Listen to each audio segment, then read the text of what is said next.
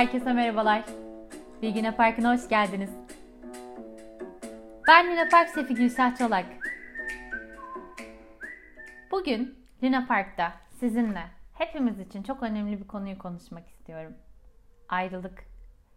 Şimdiye kadar belli bir yaştaysanız, daha önce kız arkadaşınız, erkek arkadaşınız olduysa ayrılığın, terk etmenin ve terk edilmenin ne demek olduğuna dair bazı kavramları biliyorsunuzdur.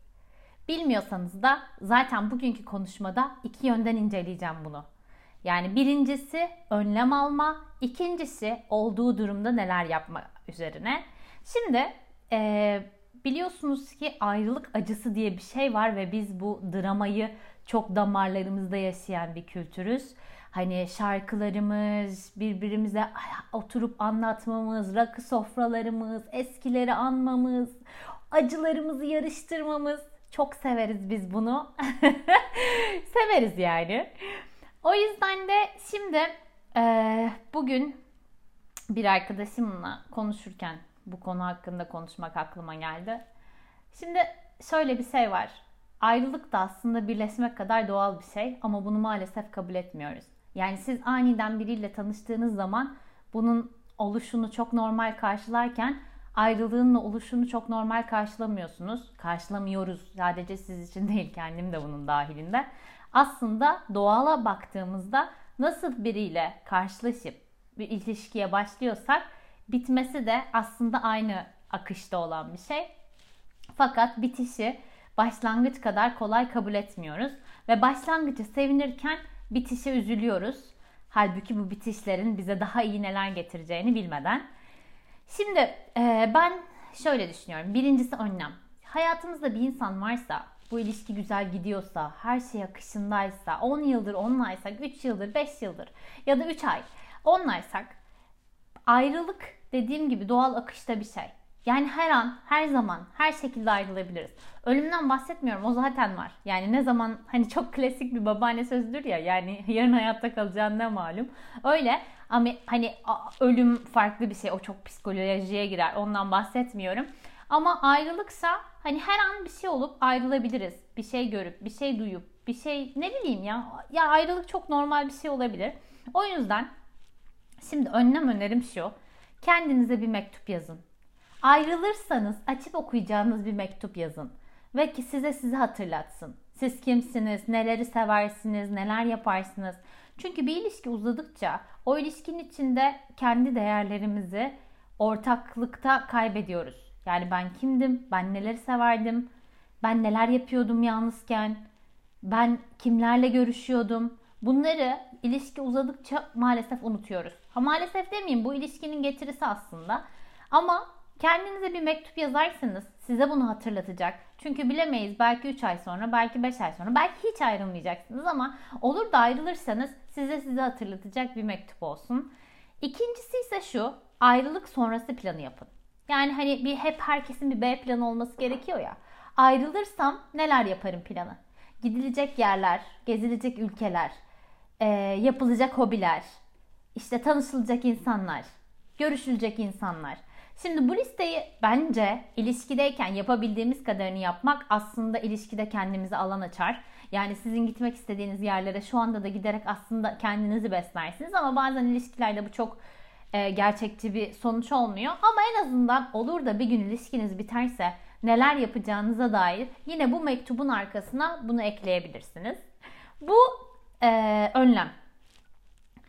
Bundan sonrasında ise bir tane de üçüncü bir şey var e, yine kendim not aldım. E, sizin özünüzü bilen insanları size yakın tutun.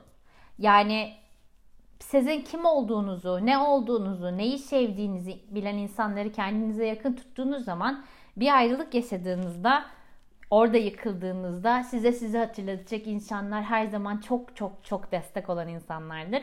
Şimdi bunlar önlem. Tamam mı? Gelelim, varsayalım. Ayrıldınız. Yeni ayrıldınız hatta. Şimdi öncelikle yine David amcam ya keşke böyle yine David Burst'tan bahsediyorum artık amcamı tanıdınız. Şimdi e, bir ayrılık sonrasında yine e, bizi üzen şey aslında düşüncelerimiz. Gelen düşünceler de şöyle. e, ben sevilmiyorum. Beni herkes terk ediyor. Benim bir daha böyle güzel ilişkim olmayacak. Herkes beni terk eder. Herkes onun gibi yapacak. Herkes beni aldatacak. Yani bu genelleme ve falcılık düşünce hatası aslında ilk başta bize ani olarak acı veren kısım bir ayrılıktan sonra. Şimdi bunlara otomatik düşüncelere ben mantıksal düşüncelerle e, örnek vermek istiyorum. Beni herkes terk ediyor. Herkes kim? Yani sadece o an seni bir kişi terk etti eğer bir terk edilme söz konusuysa. Annen, baban, arkadaşların, çocukların. Yani seni terk eden sadece bir kişi var. Bir kişi herkes değil. Yani bunun bir gerçekçilik kalıbına inmesi gerekiyor. İkincisi ben sevilmiyorum. Ee, sadece bir adam tarafından artık o hayatınızdaki ilişkiyi götürmek istememek sizi sevilmez biri yapmaz. Çünkü o insan dışında sizi mutlaka seven birileri vardır.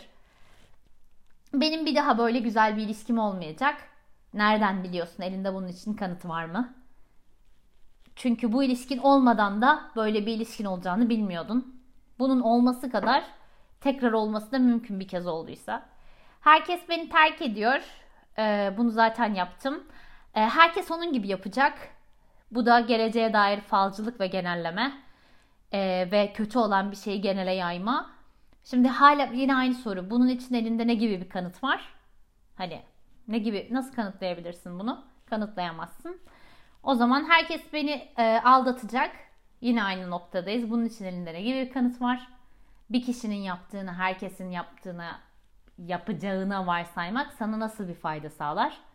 Bunun altında korunma ihtiyacı var ama korunma ihtiyacını herkesin aldatacağına dair bir inanç oluşturarak ilerlersek bu inançla birlikte insanlara bakmaya başlıyoruz. O yüzden de bunun bize son noktada bir faydası olmuyor. Şimdi e, bu otomatik düşünceleri yakaladıktan sonra ikinci kısım şu. Bireysel algılamama. Bunu da hatırlıyor musunuz? Dört anlaşmadan bahsetmiştim. Kitap. Ee, o kitapta hiçbir şey bireysel algılama. iyi de kötüyü de der.